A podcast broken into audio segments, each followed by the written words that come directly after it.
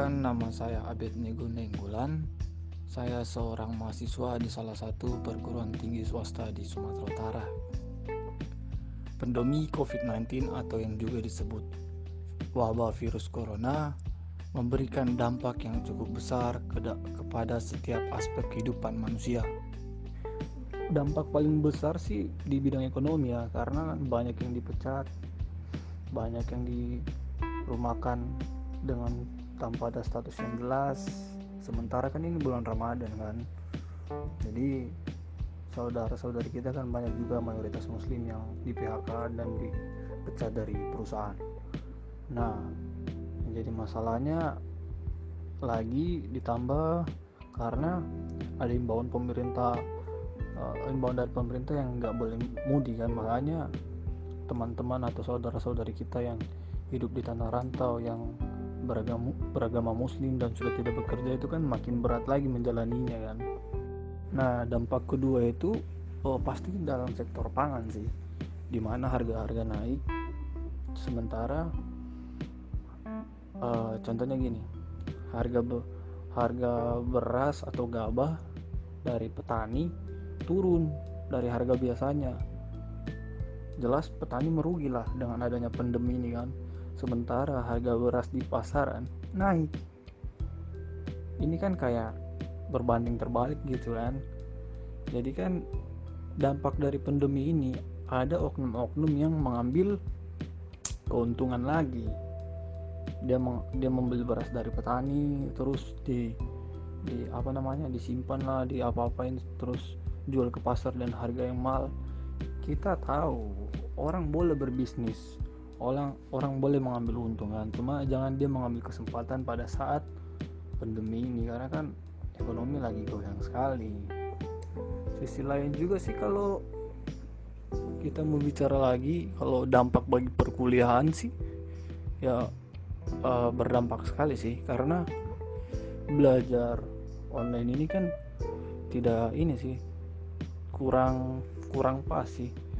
Karena kebanyakan dosen yang mungkin kaget-kaget dengan teknologi dan sebagainya. Jadi dia menjelaskan sedikit. Contoh lah kayak kami kan yang ada soal berhitung dan sebagainya. Itu kan susah susah sekali dipahami begitu.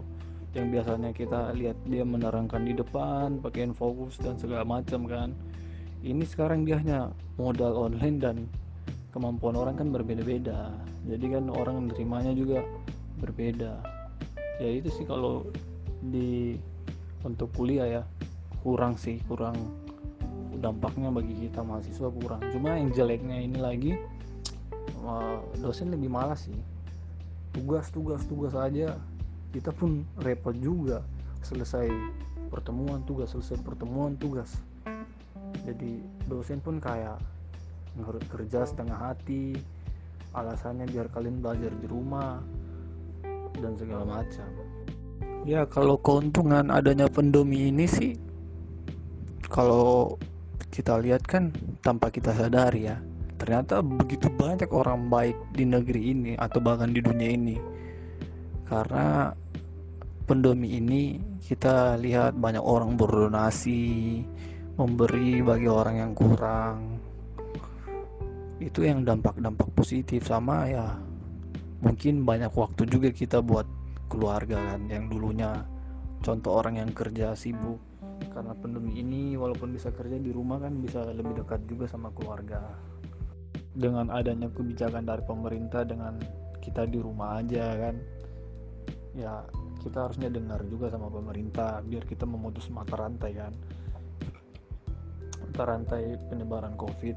Cuma sampai kapan kita di rumah aja? Karena bosan juga masalahnya kan di rumah aktivitas gitu-gitu aja. Sementara kan banyak aktivitas yang terganggu.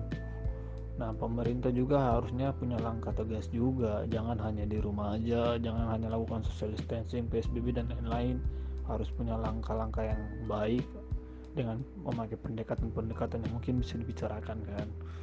Dalam artian uh, ada ada satu metode yang baik yang bisa langsung uh, sasarannya itu targetnya itu bisa lebih baik. Karena kan kita lihat himbauan PSBB dan lain-lain karena uh, temanku juga cerita